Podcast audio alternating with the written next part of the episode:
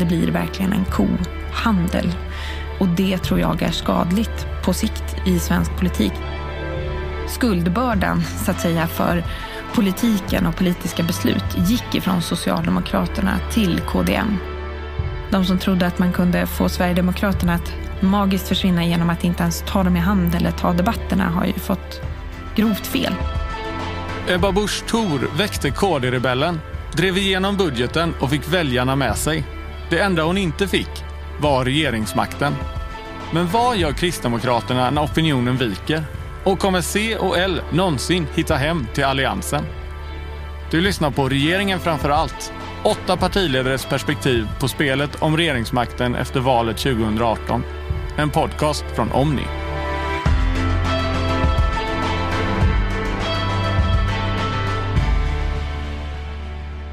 Ebba Busch Thor, partiledare för Kristdemokraterna. Välkommen hit. Tack så mycket. Den här intervjun kommer ju handla om en väldigt speciell tid inom svensk politik. Och jag tänkte börja med att ställa en fråga som vi har ställt till alla gäster.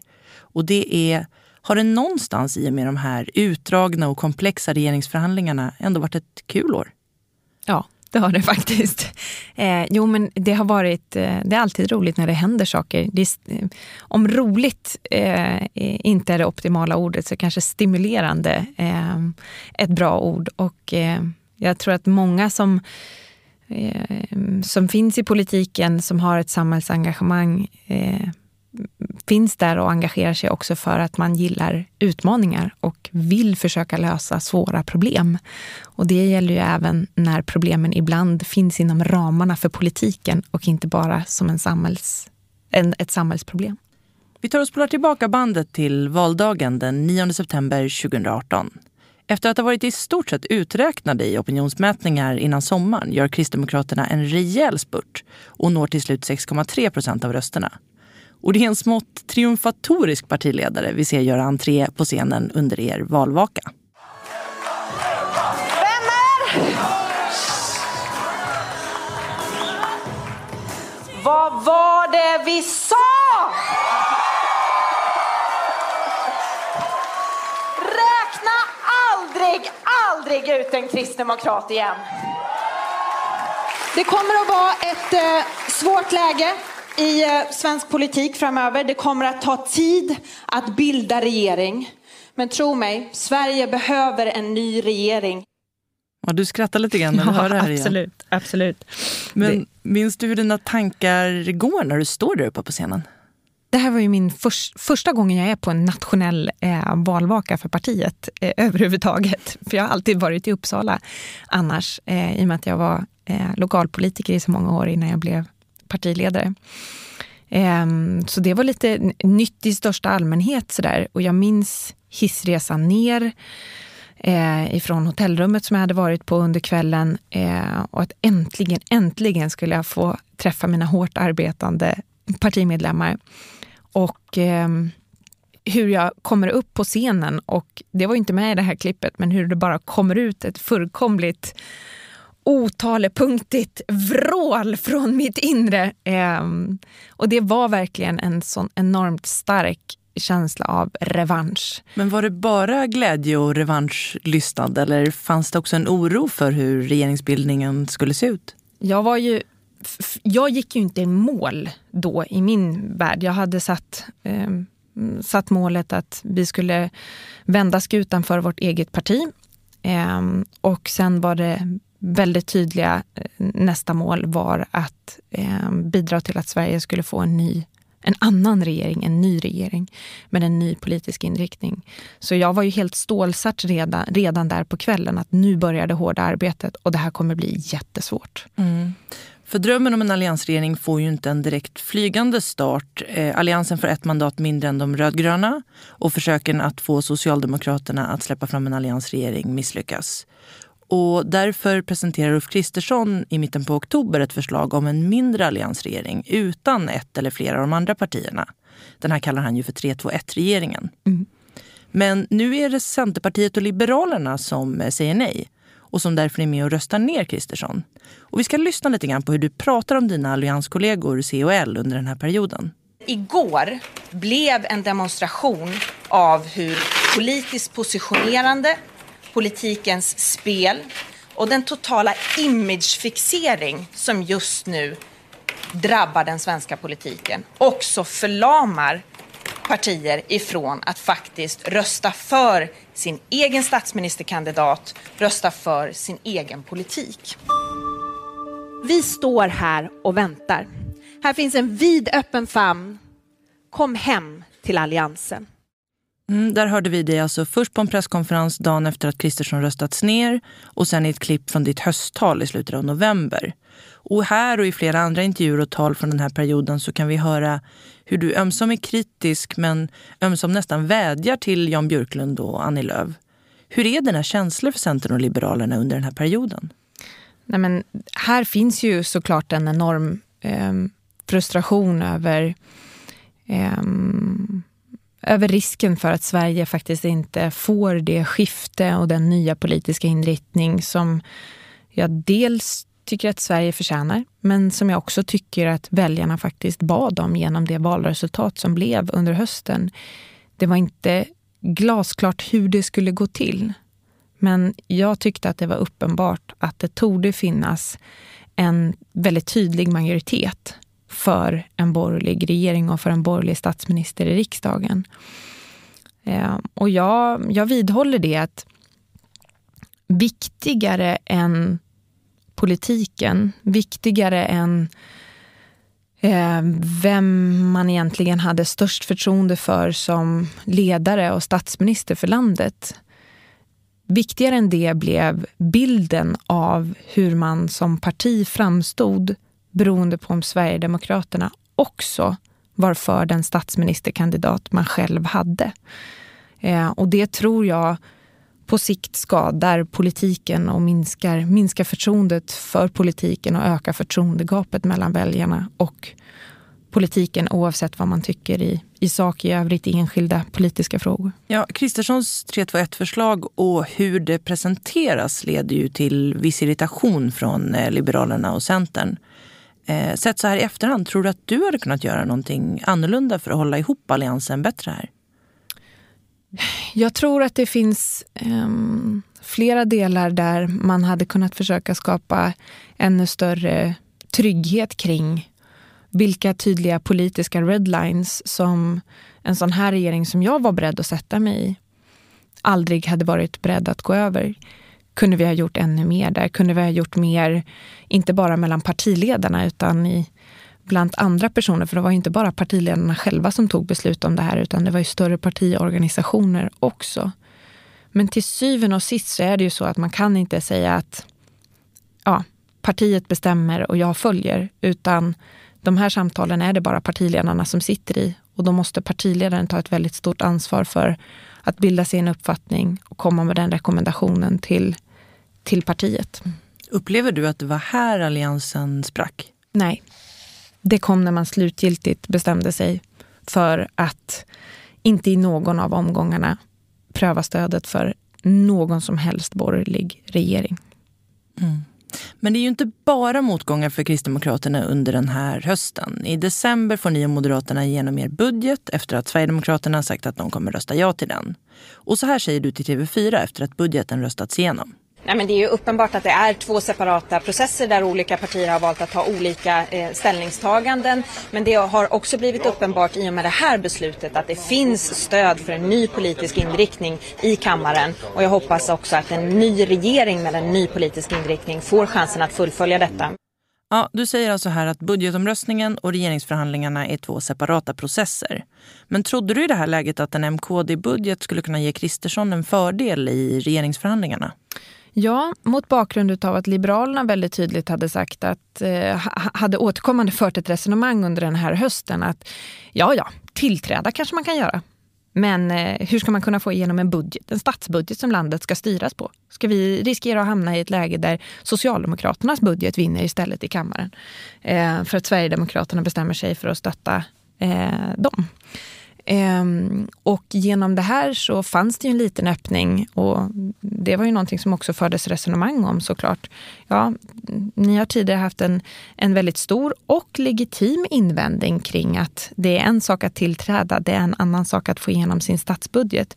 Nu har den här regeringsbildningen dragit ut så pass länge på, på så, långt i tid att vi faktiskt har visat att eh, det går att få igenom en statsbudget. Eh, och därmed finns det alltså stöd för det politiska innehållet, den politiska inriktningen. Då borde det också finnas stöd för den regering och statsminister som också har presenterat, eller det, det politiska initiativ som har presenterat den här politiska inriktningen. Men vad, vad tänker du då om att den här eh, taktiken, eller vad man ska kalla det, inte verkar ha fungerat på Jan Björklund? Jag tror så här, förr eller senare så fattar man ett beslut som enskild ehm, som människa eh, och som yttersta ledare för var man vill föra en process någonstans. Var det beslutet egentligen fattades någonstans hos Jan Björklund och hos Annie Lööf, när i tid, det kan bara de svara på ehm, för sig själva. Men förr eller senare så tar man det beslutet och så börjar man driva i en viss riktning. Och det var ju uppenbart hela hösten att Liberalerna hade en partiledare som kunde tänka sig att gå åt mer än ett håll. Mm, flera alternativ, men du pratar ju också här om att välja riktning. Tror du då att han hade valt riktning redan innan budgetomröstningen? Det vet jag inte. Men jag konstaterar att en legitim invändning som Liberalerna hade eh, kring att ja, men man kan tillträda men inte säkert man kan få igenom en budget. Den löste vi ut genom att visa att vi kunde få igenom en borgerlig, eh, en borgerlig budget. Men det som hände, den dynamiken som skiftade radikalt efter att KDM-budgeten hade gått igenom, det var att eh, skuldbördan så att säga för politiken och politiska beslut gick ifrån Socialdemokraterna till KDM.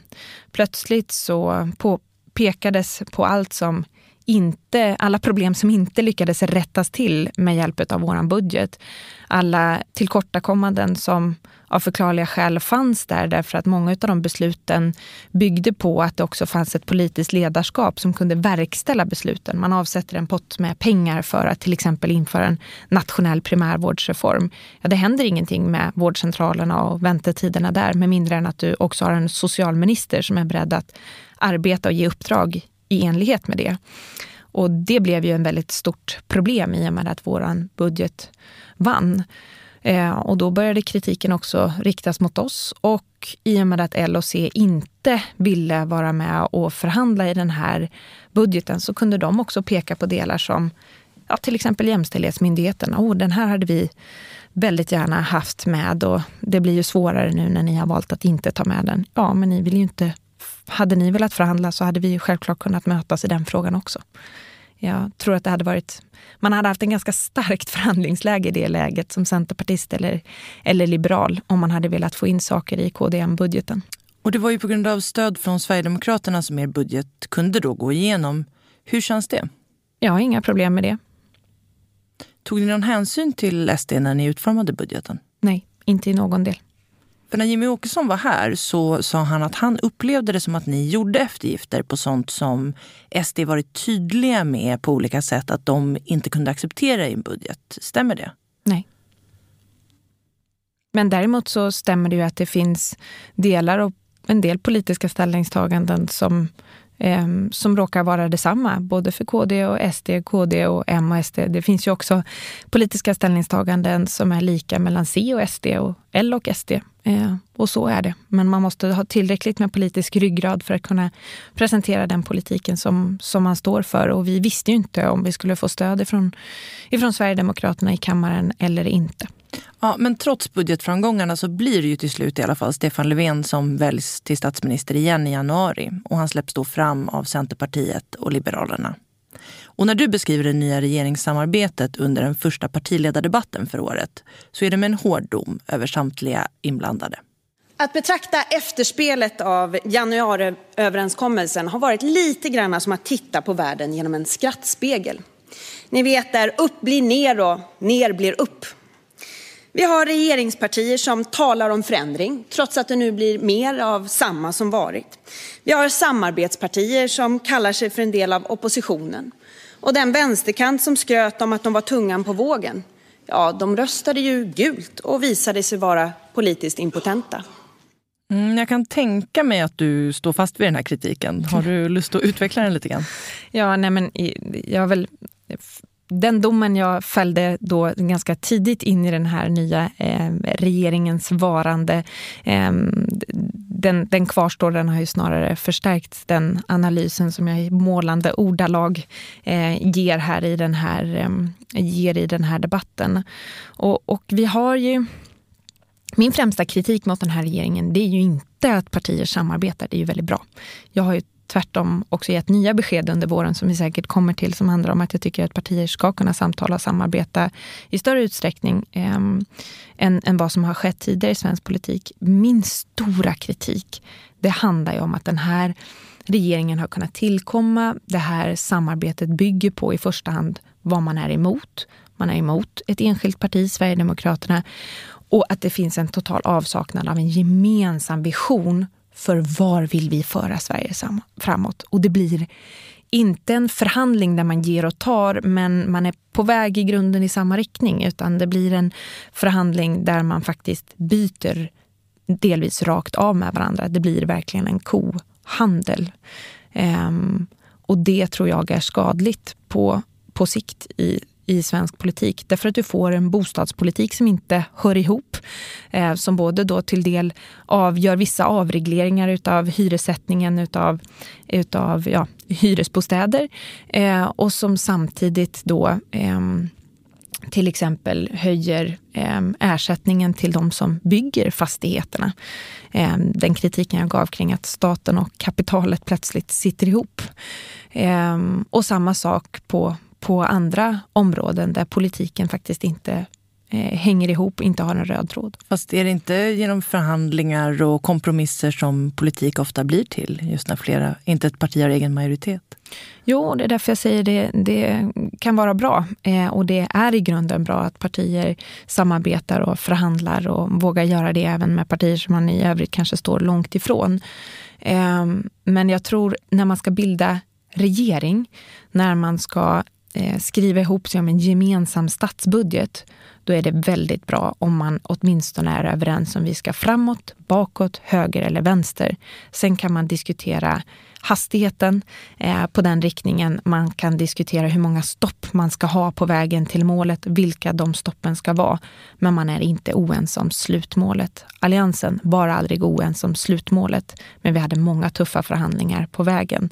Eh, men det var inte så att vi diskuterade om vi överhuvudtaget skulle starta motorn och köra höger eller vänster. Mm, och du har ju tidigare sagt att du skulle vilja hitta tillbaka till allianssamarbetet igen. Eh, hur ser du på eh, sannolikheten för det? På nationell nivå så ser jag inte att Alliansen kommer kunna återuppstå på det sättet som den fanns förut. För att förtroendet för den typen av allianssamarbete, jag ser inte att man kan återskapa det förtroendet hos väljarna. Men det kommer, tror jag, födas ett en nytt borgerligt samarbete ur det här förr eller senare. Och, hur, hur kan det tänka sig se ut? Nej, men jag, jag, tror att det kanske blir mindre, mindre loggor och mindre kickoffer eh, och mer utav rejält politiskt hantverk i första hand. Det ena behöver inte stå utesluta det andra vill jag understryka. Det var ju alliansregeringarna exempel på. Mm. Eh, men där fokus behöver vara på vad, vad är det liberaler, konservativa och kristdemokrater kan enas om och har gemensamt värdemässigt som eh, till exempel eh, kristdemokrater, liberaler och socialdemokrater aldrig mm. kommer att ha. Mm, vi ska hoppa framåt lite i tiden till den 21 mars i år. Och då vet jag att du minns ungefär vad som hände i alla fall. Jag försöker att komma ihåg vad vi gjorde 21 mars, men ja, ungefär. Ungefär. Jo, men då ger du ett besked som du redan har varit inne på lite idag som får stor uppmärksamhet och som du berättar om för SVT Nyheter här. Sverige har ju fått ett helt nytt parlamentariskt läge i och med att C och L har valt att lämna alliansen och eh, samarbeta med Socialdemokraterna och Miljöpartiet. Och då har vi haft en diskussion hur vi ska förhålla oss till det, hur vi ska få genomslag för våra eh, politiska förslag och då tror vi att det är rätt att eh, vara beredd att föra samtal med alla partier i Sveriges riksdag. Framför allt så måste den här ängsligheten och positionerandet runt och framförallt emot SD, det måste få ett slut. Ja, Kristdemokraterna öppnar alltså för att samarbeta eller samtala även med Sverigedemokraterna och Vänsterpartiet som man tidigare har stängt dörren till. Berätta, hur landar du i beslutet att det här är rätt väg att gå för ditt parti? Mm, jag börjar väl, alltså de här diskussionerna har ju funnits i partiet i, i flera års tid eh, såklart. Och det har dels varit i, i sak och ideologiskt. Vad, vad, tycker vi är, är rätt i den här frågan? Vem kan man samarbeta med eh, principiellt? Men det har också varit mm, strategiskt. Alltså, eh, vill man bara lägga den på den där strategiska bogen så är det uppenbart att alla partiers sätt att försöka frysa ut Sverigedemokraterna och tro och hoppas att de ska förtvina och försvinna ur riksdagen, ja det har ju varit ganska förgäves. De som trodde att man kunde få Sverigedemokraterna att magiskt försvinna genom att inte ens ta dem i hand eller ta debatterna har ju fått grovt fel. Men för mig har det varit glasklart att det bästa sättet för, för oss att få igenom den politik vi är övertygade vore den bästa för Sverige, det är inom ramen för Alliansen. Och så slutade Alliansen existera på nationell nivå så som jag har känt den under alla dessa år. Och då var vi tvungna att navigera i ett nytt politiskt landskap och då, då kände jag att då var det här ett naturligt eh, och rimligt steg att ta. Men för i valrörelsen 2018 sa ni ju att ni inte skulle förhandla med SD. Yes. Och oavsett hur Centerpartiet och Liberalerna agerar så borde ju er inställning till SD som parti vara densamma. Eller har den förändrats? Jag ska säga så här, dels har den förändrats kring eh, det, strategiska synen, alltså var, var ett rätt, rätt sätt strategiskt att, eh, att förhålla sig till andra partier. Var ett rätt sätt strategiskt för oss att då försöka få igenom vår politik. Och där vi har varit övertygade om att det har varit inom ramen för Alliansen. Den premissen ändras, Alliansen på nationell nivå upphör ja, då måste vi utifrån det fatta ett nytt beslut. Men på ett principiellt plan så har jag också ändrat mig och omprövat ståndpunkten att man kan inte sitta ner och förhandla och samtala med en person eller med ett parti som man eh, ideologiskt står eh, långt ifrån.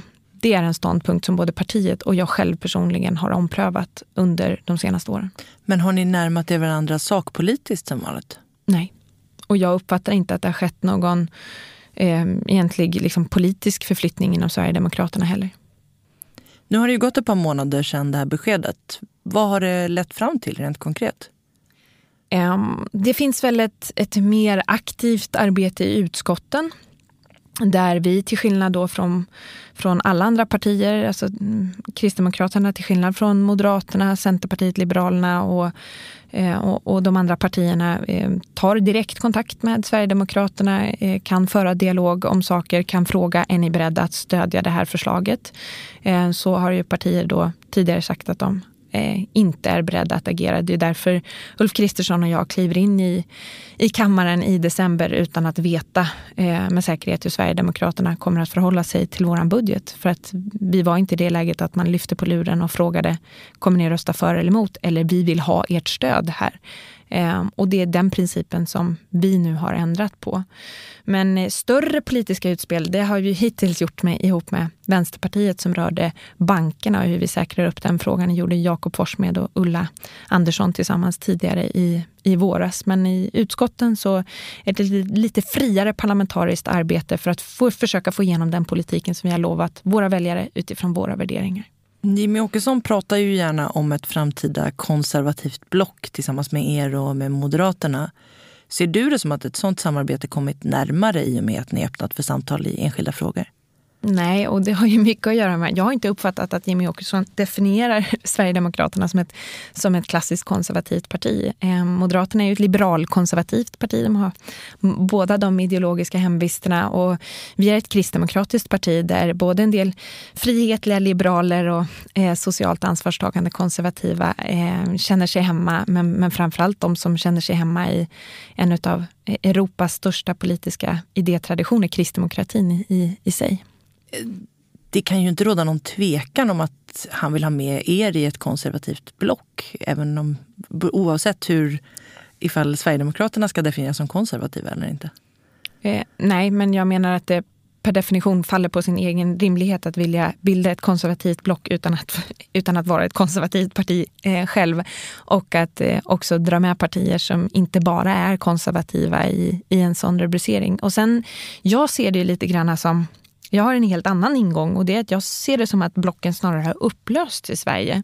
Ehm, det är klart att vi pratar om de rödgröna men vi har ju de facto en regering idag som eh, alltså är beroende av Vänsterpartiets stöd och som är helt ehm, beroende av ett väldigt nära politiskt samarbete med Centerpartiet och Liberalerna eh, och Miljöpartiet.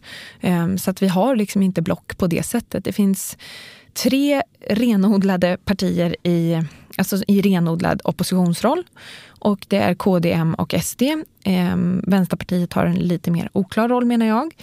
Eh, och det finns två borgerliga oppositionspartier som utgör, tillsammans utgör vi den borgerliga oppositionen och det är M och KD.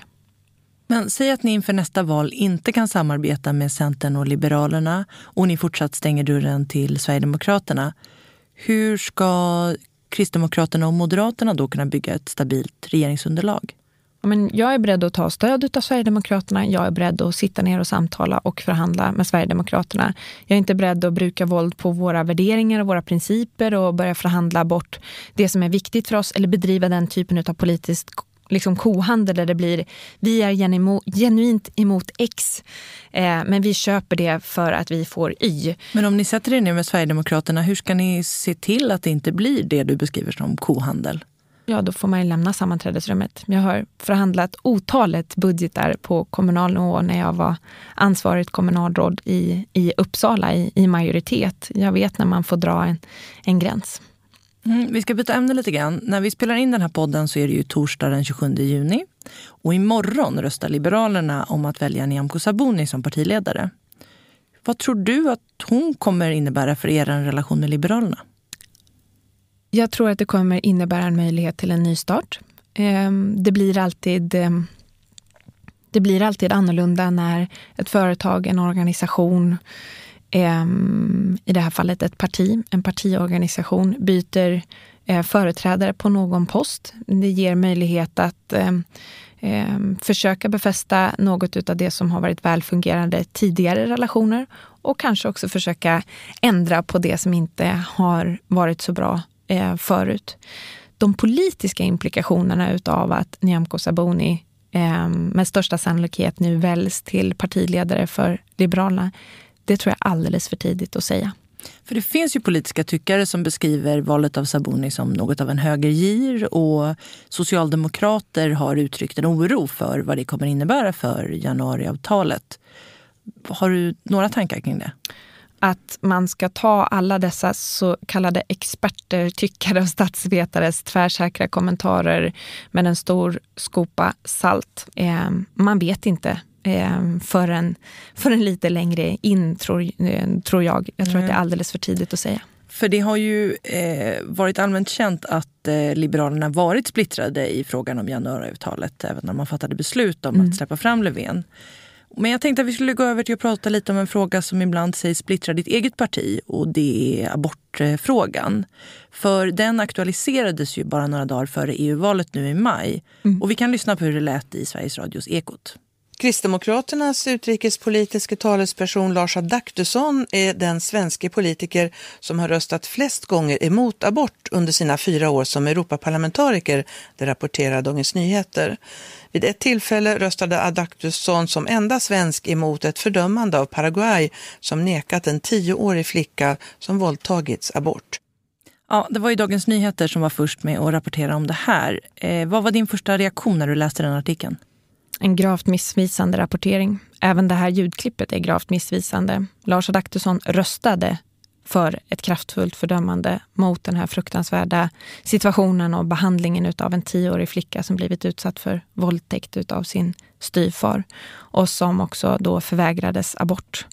Men han röstade för ett annat fördömande, men han röstade för ett fördömande. Det, jag tror att ingen som lyssnar på det här uppfattar det som att eh, det, det, är svårt att tolka det. Den här sortens rapportering är svårt att tolka på något annat sätt än som att Lars Adaktusson är emot abort och att han var emot eh, fördömandet av en våldtäkt på en tioårig flicka. Och det är ju eh, det är ganska tungt tycker jag att ha på sitt samvete att man har eh, fört vidare en enskild Europaparlamentarikers sätt att rösta på på det sättet. Lars har heller inte röstat emot aborträtten. Han har röstat emot att EU ska besluta om aborträtten. Och du sa att det här är en fråga som ibland sägs splittra partiet. Det är väl få frågor där där stödet för att hela tiden befästa den svenska aborträtten är så glasklart varje riksting frågan prövas. Eh, Kristdemokraterna står bakom svensk aborträtt och har gjort det i närmare 30 år. Men vi tycker inte att det är en fråga som man ska förhandla bort med vare sig Malta eller, eller Irland eller Polen för den delen i EU-samarbetet. Och det är dessutom många som menar att eh, debatten om Adaktusson abortfrågan då sänkte er i EU-valets eh, slutspurt. Vad är din analys av det? Nej, men det är uppenbart, alltså, det, det, märktes ju även i valrörelsen och, eh, och alla underlag efter valrörelsen visar också att eh, abortfrågan och den osäkerhet som det skapade hos väljarna kring huruvida KD står bakom svensk aborträtt eller inte eh, om vi är för eller emot att kvinnor själva ska välja, kunna välja om de vill fullfölja eller avsluta en graviditet. Den osäkerheten kostade oss hundratusentals eh, eh, väljare. Eh, och det är därför jag säger att det är, det är ganska anmärkningsvärt att i debatter och intervjuer så fortsätter man upprepa samma felaktiga påstående och bidrar till att sprida en, en bild av att vi skulle vara emot aborträtt. Det är, vi röstade emot ehm, eh, abortfrågan på EU-nivå. Men vi står, vi är för aborträtten. Mm. Ja, vi ska återgå till det här med opinionssiffrorna för KD. För att de har ju pekat åt lite olika håll kan man väl säga. Mm. Ni har gått otroligt starkt framåt sen mm. valet och i SCBs stora vårmätning så hamnar ni på 13 procent. Mm. Men sen har ni sett ut att backa igen i några mätningar som har kommit i anslutning och mm. efter EU-valet. Och senast nu på morgonen innan den här podden spelades in så lät det så här enligt en Novusmätning som Omnipod rapporterar om. Kristdemokraterna backar i SVT Novus väljarbarometer jämfört med den senaste mätningen. I junimätningen backar partiet 2,3 procentenheter till 7,7 procent vilket är den enda statistiskt säkerställda förändringen. Enligt Novus vd Torbjörn Sjöström har den senaste tidens debatt om abortfrågan spelat in i väljartappet. Oroar det här dig? Nej, därför att jag vet var vi står i sak och förr eller senare så brukar ändå eh, så att säga, sanningen segra. Och jag, jag är trygg med vart partiet står i den här frågan ehm, eh, och att vi, vi förr eller senare också kommer klara av att, att hämta upp det. Men det är uppenbart att när vi får prata eh, om frågor som rör abort och dessutom då påståenden som jag menar inte stämmer. Eh, istället för att prata om de stora samhällsutmaningar och problem som vi menar Sverige står inför. Hur vi skulle kunna göra skillnad för sjukvården, Sveriges äldre som står utan äldreboendeplatser. Det faktum att så många bostadsområden faktiskt inte har grundläggande trygghet.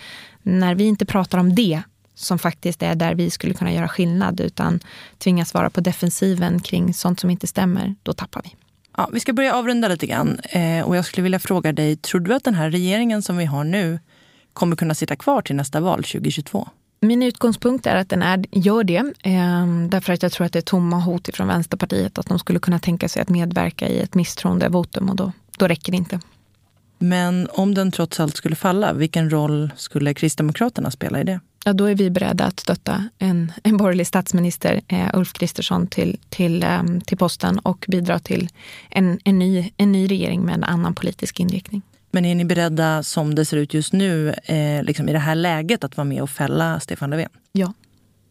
Men om inget dramatiskt händer nu inom kort så eh, är det väl förmodligen lite mindre regeringsbildning och lite mer sakpolitik som gäller nu i höst. Det är det jag hoppas i alla fall. Ja. ja. Och om du bara får välja ut en fråga som blir din absolut viktigaste, vilken väljer du då?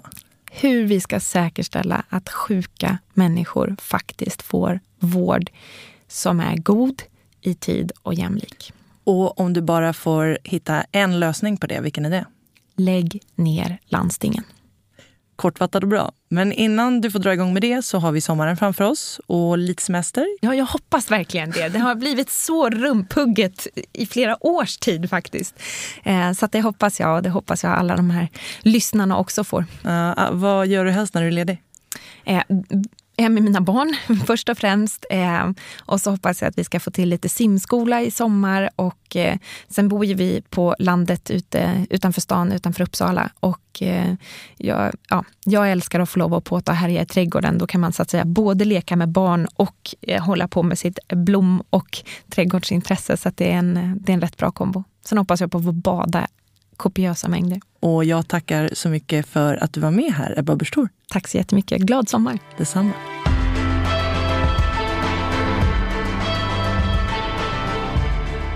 Du har hört Regeringen framför allt, en podcast från Omni. Programledare Matilda Glaser. Research Mimmi Nilsson, Marcus Andersson, Henrik Svensson och Kalle Sandstedt. Tekniker och slutmix Kristoffer Krook. Vill du höra mer från Omnipod? Missa inte vår nyhetspodd där vi ger dig det senaste från politiken blandat med nyheter och röster från hela världen. Du hör oss i din poddspelare varje vardagsmorgon från klockan halv sju. Resten av tiden hittar du oss i vår app och på omni.se. Där ger vi dig alla nyheter och perspektiv på ett ställe.